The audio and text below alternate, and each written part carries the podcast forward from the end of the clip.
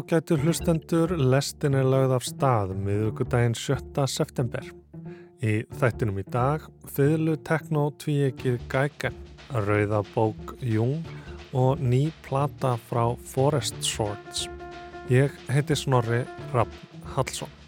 Fyrst ætlum við bara að nota fyrluna, sampla hana og leika okkur með hana en svo var það bara ansi flókið sko og svona uh, tímafrækt í rauninni. Freud áleitt undir meðdundina eða dölvitundina ekki annað en dvalast af kvata og bældra kenda sem hætti að draga fram með yfirborðið, afmarka síðan og greina líkt og um meinværa ræða, vinna síðan buga á og þannig lækna sjúklingana af breyðlögum innri kvötum.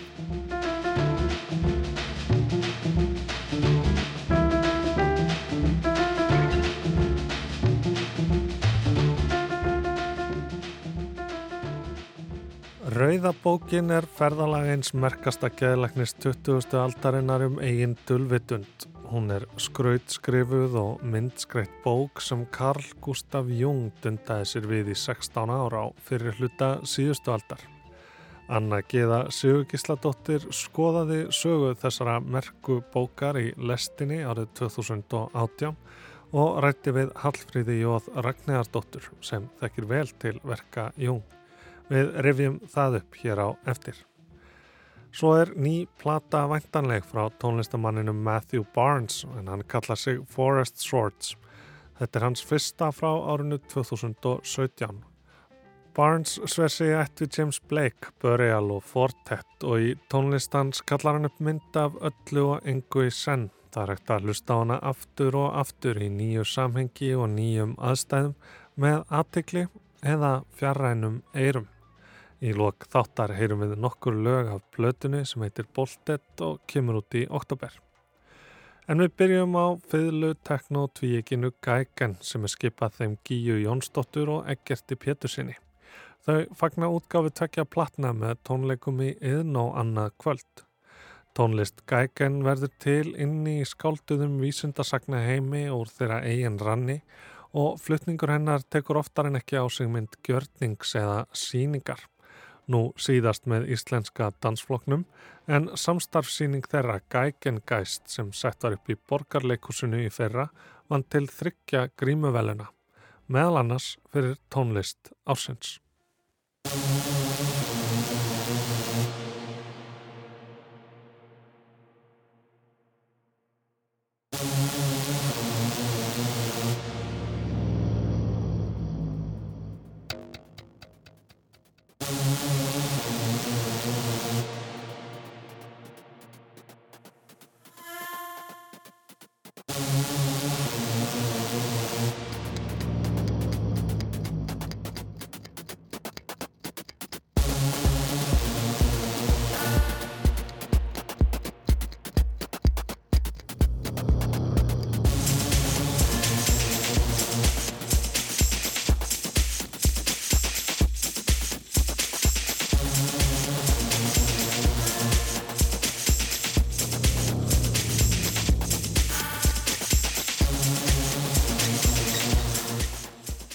Fiðlur eru kannski það síðasta sem kemur upp í hugan þegar maður leiðir hugana teknotónlist.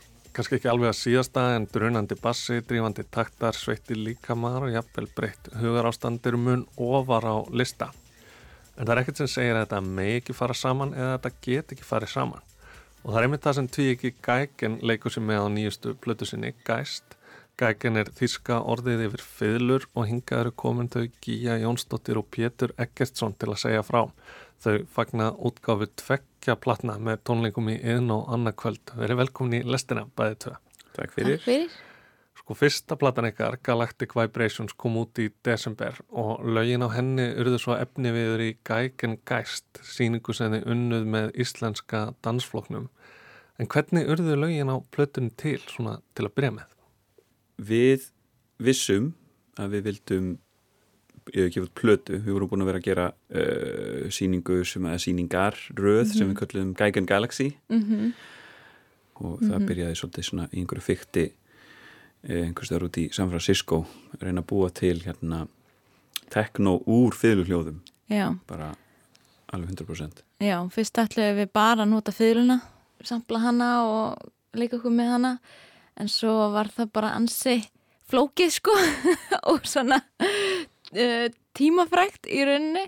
Og það var pressa okkur og þegar við vorum bara ákveðum að bara drífa í tónleika þegar við komum heim í mingi einhvern veginn kom, bara notuðum við raf tónlist með og þá settum við svona alls konar effekta á fyrirlunar og í gegnum alla tónlistin okkar þá er stundum svolítið erfitt að heyra hvað er raf hljóð og hvað er fyrirlhljóð uh, út af því að sumir effektanir eru rosalega svona já bara af, afmá fyrirluna mjög mikið sko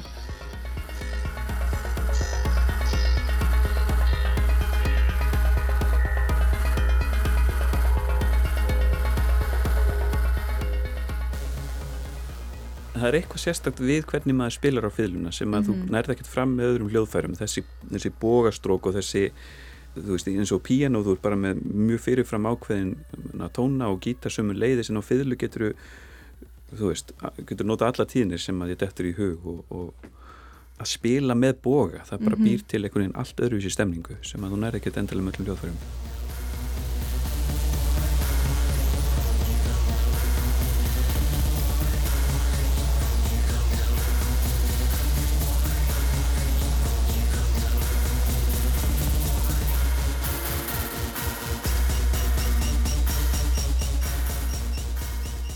Við svolítið svona erum að skeita saman fagurfræði fýðlunar, þessi svona klassíska barokk uh, estetík og síðan þessi svona uh, klúpa heimur í kringum teknóið og svo erum við líka svona að fara inn í framtíðina, hugsa svolítið svona um vísindaskálskap og svo leiðis sko. Og þegar við erum að semja og búa til laugin þá erum við ofta að hugsa um einhvers konar söguþráð. Út af því að við erum líka nótum performansin sem einhvers konar sögu veist, þótt að sé kannski falið fyrir áhörundum þá er samt einhvers konar svona hérna eru við að lenda hér eru við í svarthólinu þú veist, þetta er einhvers konar svona er algjörð sci-fi vísindaskálskapar plott alltaf. Og við notum það bæði þegar við erum að búa til einhvers konar uh, bara sagt, handrit fyrir uh, tónlistina en svo líka þegar við erum í performance Já og með íslenska dansfloknum þá náðu við að stekka þetta og kannski fanga og, og setja hennan heima á svið fyrir áhörvendur Einmitt, einmitt En svo var ég að skoða og semst nú er önnur platan í komin út, Geist Já.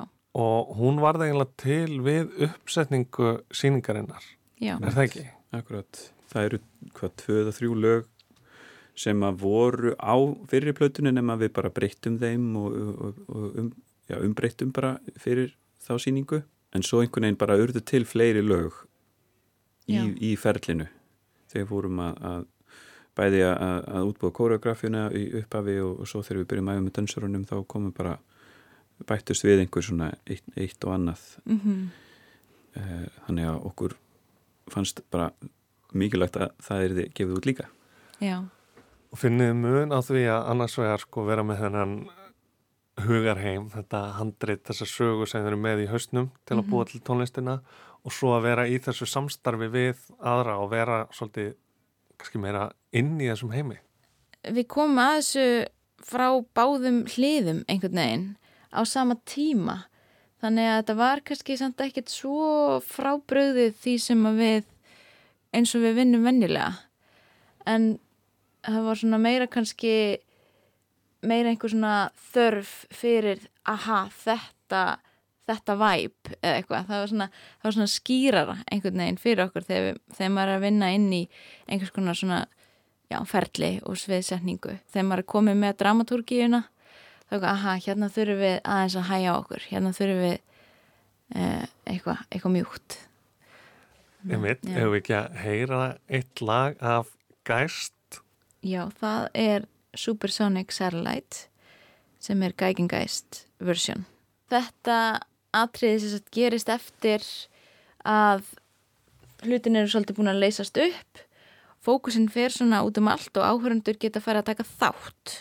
Og þau fá að teikna með boga og fara í þrýr eða fjórir teknir út fyrir salin og fara í svona fiðlu spa þannig að þau fá svona klúta yfir sig og heyra svona alls konar svona, svona, svona ASMR fiðlu skruðningshljóð og lykt og svona þannig svona skinjunar upplifun fyrir fá að útvelda og eftir það þá þurfti eitthvað svona til þess að taka okkur saman og sameina okkur aftur þegar allt var búið að leysast upp. Og það var þá var hérna Supersonic að svona steina dansi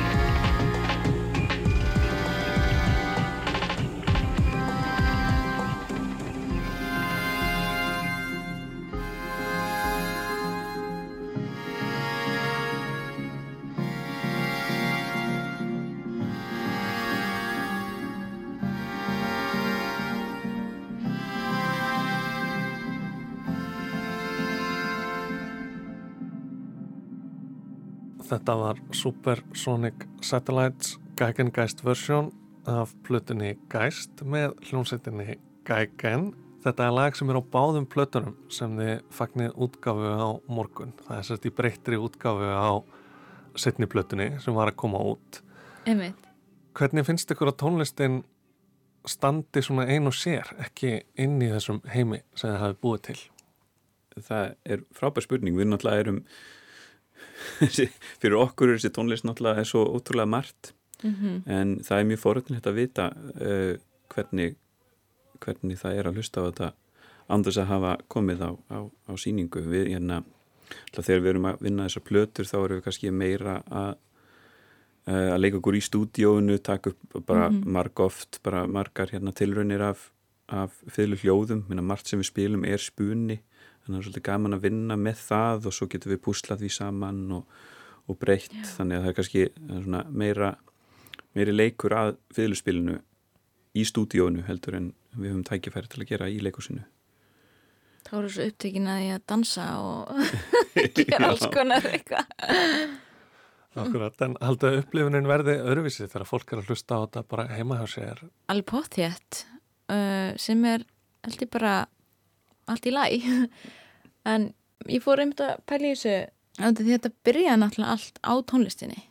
Það var í rauninni grunnurinn að þessu mm -hmm. Eh. það var svona handritið að síningunni var, var fyrirplatan Galactic Vibrations Já. Við vorum aldrei að pæla í einhverjum performance eða eða búningum eða neinu slíku sko. Já, það er kannski þá liður í því að gefa tónlistina óta að leifa henni að standa Algjörlega. eins og hún var upphælega hugsuð. Algjörlega. Hitt er, þú veist, það er mjög mikilvægt líka en hver eining er einhvern veginn á sitt, sitt ljós. Akkurat, þið komið fram annað kvöld sem við frá þessum tónleikum. Það eru fleiri sem koma fram með ykkur. Já. einmitt uh, hljómsveitin The Post Performance Blues Band ætlar að hitta upp það er spila á undan og það eru koma náttúrulega líka úr svona gjörninga bakgrunni og, og dansi og, leiklist og alls konar þannig að það er svona það var skemmtileg pörun fannst okkur að fá þær til leys við okkur. Og svo þegar við erum búin að spila ætla hljómsveitin Side Project að taka við og halda bara teknóinu gangandi. Mm við höfum skemmt okkur mjög mikið á tónleikum með þeim í gegnum tíðina og -hmm. hlökkum til að sjá það aftur enna kvöld. Við vildum hafa þetta svona út af því að við höfum fengið ábendingar um það að fólk er komið í svo mikið stuð eftir hérna við erum svona byggjum upp einhvers konar stemningu sko með okkar sjói. Þannig að það er einhvern veginn komin algjör hápunktur hann í lokin og þá er svo leiðilegt að bara ok, bye bye partíi búið, þannig að þessina halda side project uh, stuðinu áfram sko. Já, finnst ykkur vanta teknóklúpa hérna sem að Já, það er alveg alveg tímalust það er eitthvað að bruggast en, en alls ekki nógu mikið af góðum rýmum fyrir svona uh, klubakvöld Nei, þannig að þið kallið eftir því að, að klúpa stemningin uh, endur vakni. Já, sérstaklega fyrir hína því að við ekki getum það ekki lengur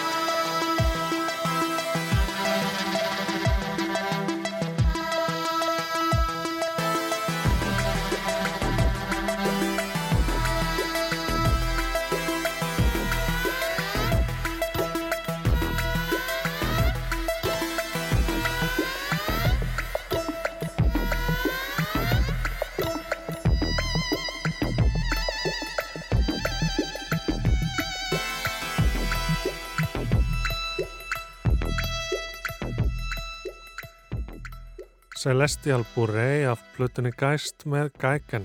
Þau Gíja Jónsdóttir og Eggert Pétursson sögðu frá verkinu og útkáfu tónleikum sem fara fram í yðnó annað kvöld. En úr teknoklubbunum, barokkinu og geimnum höldum við aftur í tíman. Anna Gíða Sigur Gísladóttir sæði frá sögu mjög svo merkilegar bókar í lestinni 2018.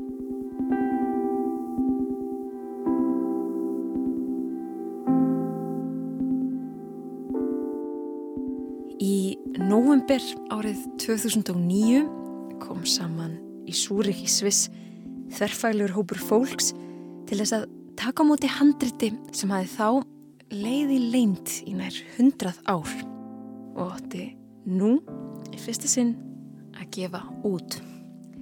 Þarna voru rítstjóri fórlagsins 2.2, 2.2 Norston Company, blaðamæður frá New York Times, listrætt stjórnandi verkefnisins, sérstakur rítstjóri umrætja bókar og svo tæknimenn frá Digital Fusion sem sáum að skanna rítið inn með hjálp nýjustu tækni.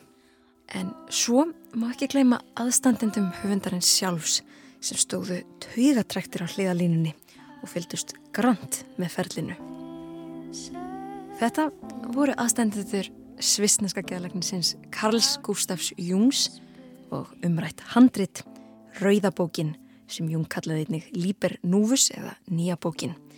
Bók sem fljótt átt eftir að teljast meðal meginrita höfundaverks þessa áhrifamikla hugsuðs.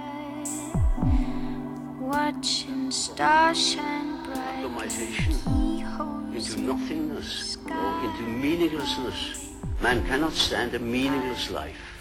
We need more understanding of human nature because the only real danger that exists is man himself. He is the great danger and we are pitifully unaware of it. We know nothing of man, far too little. His psyche should be studied because we are the origin of all coming evil.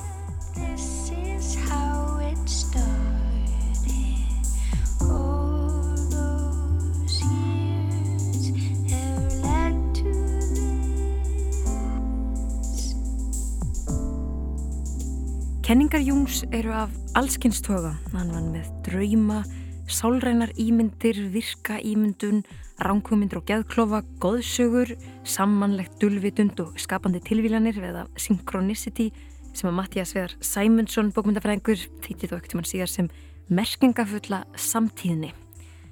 Karl Jung er sagður fadir greiningasálfræðinar og þakks ég þeim Freud barst sálar lífsrýnin inn í meginströmmin. Jung leit fyrst og fremst á sig sem vísindamann en hann aðhyllst á fleiri stefnur og ströyma en engöngu þar sem rúmaðist innan vekja geðlegninga. Trúabrögð, vestræn sem og austræn heimsbyggi, gullgeðalist, stjórnusbyggi, félagsfræði, fljúandi furðuhlutir, þjóðsjóru og æfintýri eruðu allt meðal rannsóknar efnaðans. Leiðir þeirra Sigmund Freuds skildust árið 1913 en það kom það í ljós grundvallamunur í kenningum félagana meðal það sem skildi að skoðinni þeirra var að Freud áleitt undir meðutundina eða dulvitundina ekki annað en dvalast að kvata og bældra kenda sem ætti að draga fram að yfirborðið, afmarka síðan og greina líkt og um meinværa ræða, vinna síðan buga á og þannig lækna sjúklingana af afbreyðlugum innri kvötum. Jung sá á hinbógin dulvitundina sem kjarnamannlegs vitundalífs sá mannshugan sem eins konar innbyggðan eðlislegan fljótandi hluta sem ætti ekki að lækni burtu heldur frekar að læra af og nýta til upplýsingar og heilunar.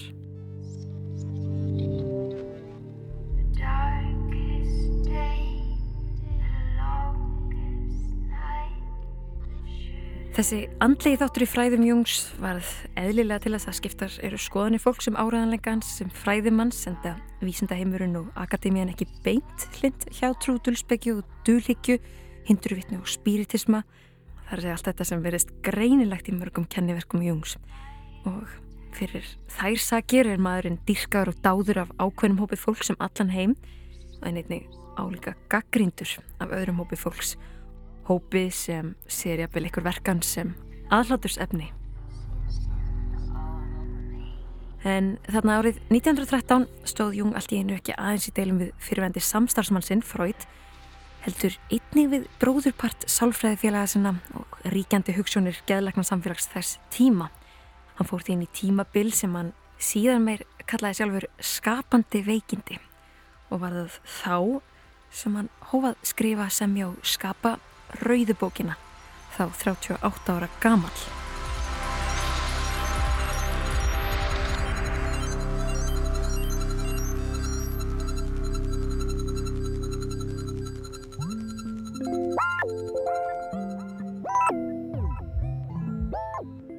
Ég kíkti heimsótt til konu sem þekkir vel til verka Jungs og á meðal annars rauðubókina. Mariah.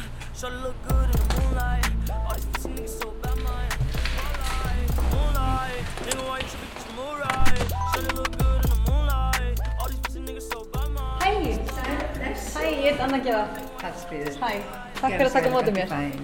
Ég heiti Hallfríður, Jóð Ragnæðardóttir og um, kynni mín að Jung hófust þegar að ég var að skrifa meistararítgerð í íslenskum bókmættum þar sem ég lagði hans sálfræði kenningar til grundvallar stúdíu minni á góðsögum, þjóðsögum og æventýrum og eh, þetta leiti mig áfram inn í heim Jungs. Ég bjó í New York um langt ára bil og eh, sem sagt gerðist meðlumur í Jung Foundation þar sem ég sótti ótal eh, námskeið og fyrirlestra í þessum fræðum. Nú síðar þá ákvað ég að verða mér uh, út um réttindi til að vinna með drauma og draumar eru jú miðlægir í jungiskri sálfræði þannig að uh, allt sem ég hafði numið þarna komið til góða í, þeim, í þeirri vinnu eða já, Þannig að þú hefur alveg heillast af hans fræði. algjörlega. það er vist ekkit einstakt sko, fólk annarkvært dregst það inn bara eða það bara finnst þetta kannski fáránlegt sumt af því Já, en ég heitlaði sannarlega þannig að ég held áfram eftir að ég lauk prófi í íslensku bókmyndum þá held ég áfram að stúdira Jón Þú spurði mig þegar ég kom inn, ertu jungisti? Erst þú jungisti? Og ef svo er, hvað er að vera jungisti? Já, ég saði það jú vegna þess að það er jú einhver sem að tilengar sér hans fræði og, og ég meinti það nú bara þannig sem að uh, svona, jú þetta verður eiginlega ríkur þáttur í lífinu því að maður, maður uh, í rauninni tekur hans sér að vissu leiti til fyrirmyndar í þessum samræðum við dulvitundina og uh, einbeiti sér að sínu draumalífi og slíku. En nú erum við hér með rauðu bókina fyrir framann okkur. Þetta er stór bók, mjög, mjög, mjög merkileg. Hvað getur þú sagt okkur um þessa bók? Þetta gengur eiginlega þessi stúdía hans á sjálfum sér og sinni undir veröld hefur leitt það í ljós að hann leitt svo á að þetta væri raunveruleiki, ekki ímyndun. Þetta er raunverulegt. Hva, Ekki bara tákgrænt heldur er þetta lifandi raunveruleiki. Rauðabókin er ferðalag Jungsinn í eigin dulvitund, ferðalag sem hann átti með sjálfum sér í skjóli nætur í sex ár. Á daginn sindan sjúklingum sínum, kendi nefndum og hjælt fyrirlestra, en á kvöldin gekk hann inn í fantasjöheim undir meðdundarinnar og framkallaði sínir. Hann fór sem sagt í vöku, þá kallaði hann upp eitthvað úr undirvitundinni og bara gekk inn í, hann gekk inn í, segjum svo hann hafi kallað upp einhverja mynd, hann gekk inn í undirvitunduna og rætti við þessar fígurur sem hann eh, sem sagt hitti á þessum stað.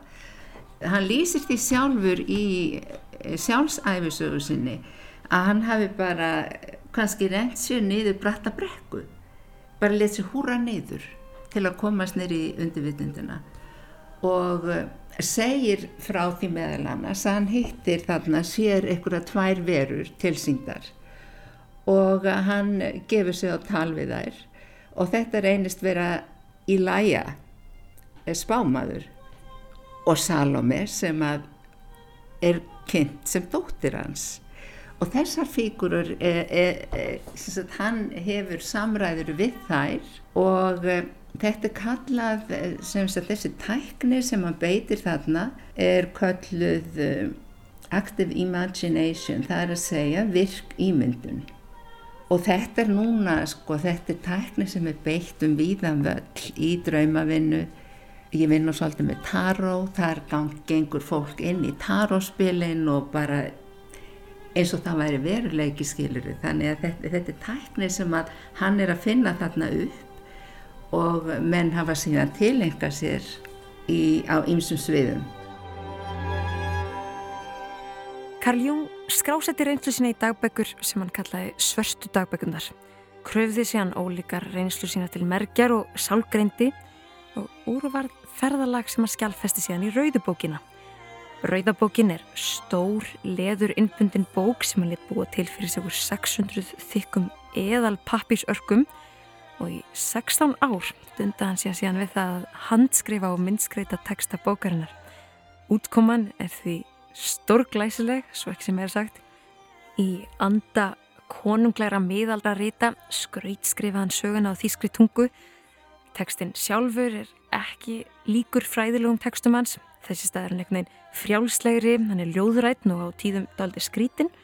Inn á milli má sé hann sjá teikningar og málverk eftir hann sjálfan, en þau gefa lesendum enn betri einsinn inn í þennan eðlislega skinörfandi könnunarlegangur Jungs um draumkenda undirheima sína þar sem hann heitir fjöldanallan af verum, fígurum og fólki. Það er margt sem gerist í bókinni. Meðal það sem gerist er til dæmis það að hann gengur um landina dauðu, hann verður róvart ástfangin af sýstu sinni, borðar lifur ungs barns og er kramin af risastórum snák. Eins og áður segir hafði geðleiknirinn orðið fyrir vonbriðum af vísindalegri rökhyggju tíðrandans og heitlaðist fremur af dullrætni innri veröld sem var samsuð af töfrum, draumum og örfandi ímyndurunafli sem var að hans mati jafn mikill veruleiki og hvað annað. Hann vann að bókinni í 16 ár með hljöfum en full kláraði hana þó aldrei í leðurbundnu örkinni því aðeins að finna tvo þriðju af upprunalega handritinu. Hann geymdi örkina síðan í læstum skáp á heimili sínum Þerlan lést árið 1961. Ritið átti síðan eftir að dúsa þar í önnur 15 ár eða þarla var flutt í kvelvingu í svisneskum banka. Þrátt fyrir að bókin hefði aldrei verið gefin út vissi fólk afinni og jung fjölskyldinni bárust því oft og tíðum beðnir um aðgengi að ritinu. Slíku var æti neitað þar til breski sagfræðingurinn Sónu Shamdasani að einhvern veginn að sannfæra erfingjana um að gefa bókina út.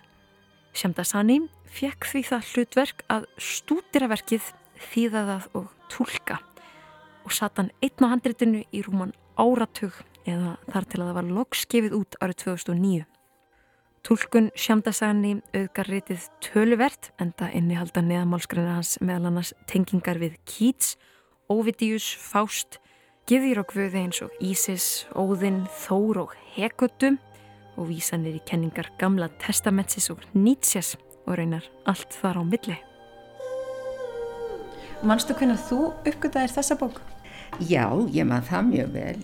Ég uppgötaði hana bara og ég einmitt, sko, eftir ég talaði við þig, þá prentaði ég hérna, eh, náði ég mér í grein sem var í tímariti New York Times sem byrti sem sagt mánuði áður en bókin kom út. Þetta er sem sagt árið 2009. Það var mikil umræði í gangi sem sagt hann á þessum tíma. Og þetta er sem sagt að það er búið að fá leiði til að gefa hann út. Og það er eiginlega fátt annað sem kemst að hjá stórum hópi fólks. Og þann, þetta var svo sem ekki vitað e, í hvaða jarfi bókin myndi falla.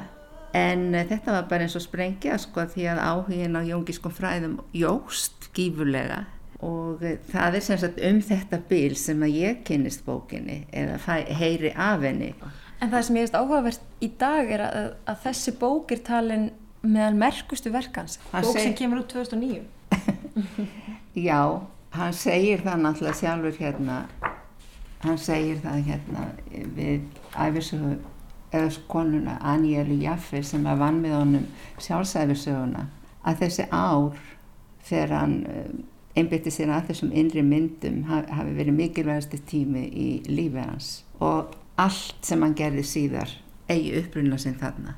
Þannig að það sem á eftir kemur það skiptir í rauninni sáralitlu máli þannig laga séð. Það bara fólst í því að vinna úr þessari reynslu sem hann gekk í gegnum þarna.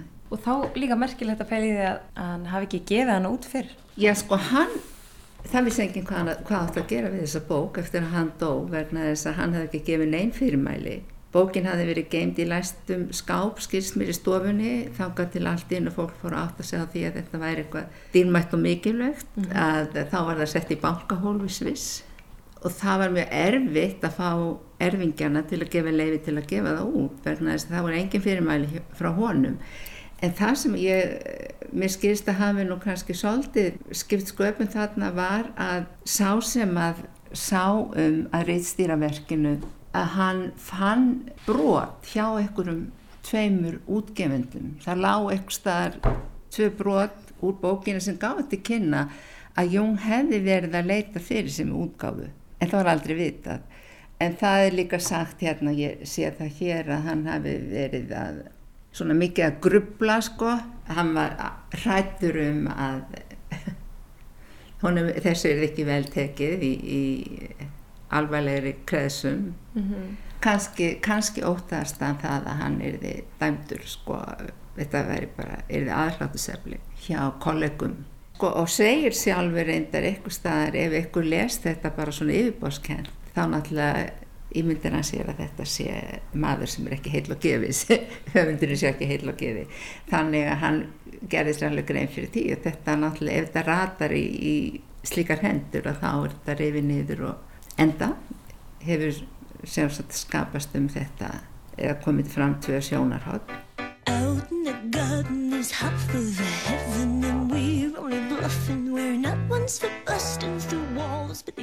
Ég spyr hann út í myndlistina í bókinni.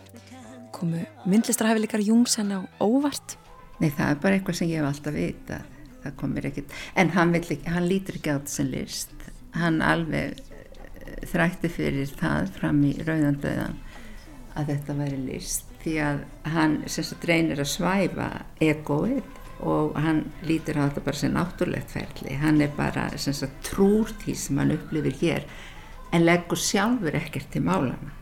Sko listamæðurinn er náttúrulega hluti af listaverkinu en hann, hann vil vera þögull, bara þögullt vitni sem að tjáir það sem að innri náttúran færir honum.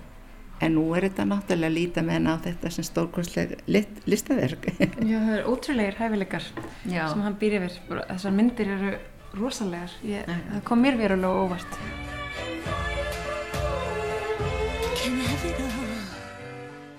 Hallfríður hefur umsjón með útafstættinum Skuggin í draumum okkar sem verður fluttur að ráseitt á morgun klukkan þrjú. En þar kemur Jung við sögu. Jú, sannlega, skuggin er erketýpa sem að hann fjallar mikið um. Og hann getur verið bæði persónlegur og það getur líka verið samanlegur skuggi eins og, eins og náttúrulega gerðist í fyrir heimstyrlutin hafði gífulega mikil áhrif á hann. Og það er í rauninni kjölfar hennar eða um það bíl sem hann byrjar á þessari bók sem er kallað Liber Novus eða Rauðabókin eða nýja bókin. eða nýja bókin. Og hann treytist ekki á að brýna það fyrir okkur að það sé nöðsynlegt að fallast á eigin skugga hliðar. Kannast við þær. Vegna þess að öðrum kosti þá vörpum við þeim út í heiminn. Þannig að friðurinn náttúrulega og sáttin byrjar hið innra. Hvað við jungíska fræði og allt þetta, hva, hvað er það sem að heillast þér mest? það er erfitt að henda reyður á því en bara um það byrj sem ég var að vinna rítgerna mín og í kjölfarið þá bara eiginlega heldust yfir mig draumar. Alveg svona flætti yfir og það var bara til að í rauninni að takast á við það. Og um, mér finnst uh, eiginlega erfitt að ímynda með leif, lífið án þess að vera í þessum tveimur vittum mér finnst það bara í rauninni það gerir líf spennandi og um, tilgang, finnst mér, í raun. Er þetta tvær aðskilda vittir? Nei, það er flæða korin í aðra, náttúrulega. Og það er það sem að hann reynir, það var, ég las það eitthvað stöða sko að ef hann væri núna undir hendi geðlagnins, þá myndi honum trúlega að vera uppálagt að reyna að eh, skilja eða byggja vekk þarna á milli sko en hann einmitt, hann einmitt vinnur að því að brjóta niður þennan múr á milli vitundar og dölvitundar. Hann fer af eigin, kvötum fer hann inn í þessa undirvitund. Þannig, mér finnst það spennandi að hugsa til þess að við séum ekki bara, hvað ég segja, við séum ekki bara þessi, Bara hér. já,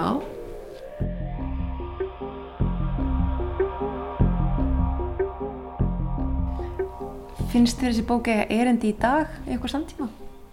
ég, það er svo greinlegt hún gerir það, vegna þess að það var bara eins og æðir sem greip sig þegar hún kom út og uh, ég náttúrulega, ég var búin að lesa, hefur þú lesið æfisögans? Nei. Nei, sjálfsæfisöguna, sko, ég var búin að lesa hann oftar en einu sinni, þannig að sko þar í rauninni fer hann í gegnum svo margt að þessu, hann er að vinna úr þessu í þessari sjálfsæfisögu sem hann skrifa svona sein og uh, hann segir það jú að, að uh, síðan þetta gerist allt saman að þá er þetta bara, þetta er lífstarfið, það er að vinna úr þessu öllu sem kom þarna þannig að auðvita og það er eins og ég sá líka hann hérna reitstjóra vísa í sko að eh, einmitt eitthvað spurning sem kom svona eins og þú settir frá núna að það að virða undirvitundin það væri kannski Sem er þá kannski eitthvað sem við hefum ekki verið að gera nóg af. Nei. Value your inner life. Það er að segja. Sjá gildi í innra lífinu. Þetta var hans, hans svar við því. Þetta væri grundvallar skilabóð bókarinnar að menn ættu að sjá gildi og meta gildið í innra lífinu. Heldur að við getum nálgast þessa bók hér á Íslandi? Hefur ekkert mann síðan í búðum hér á Íslandi? Nei, ég hef ekki gert það en hún er náttúrulega til að bókasafninu. Bara út í hérna bókluðu. Þannig að hlustendur geta farið Já, já, já, hún liggur þar frammi, það er að skoða hana þar.